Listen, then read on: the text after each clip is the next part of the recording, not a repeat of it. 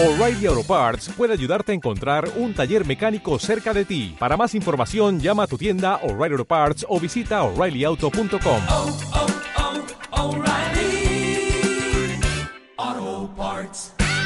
Íñigo, miembro del movimiento Pro y contra la represión. Y bueno, dinos, Íñigo, eh, vemos que han ilegalizado la manifestación. ¿Cuáles son los motivos que dicen para esta ilegalización? Bueno, sí, nos ha pillado un poco por sorpresa porque ha sido esta noche, entonces parece que dicen que la simbología y el llamamiento hecho por ex etarras, según ellos, y, y o llamamientos de diferentes sitios, pues que parece que son motivos suficientes para querer ilegalizar la manifestación del sábado.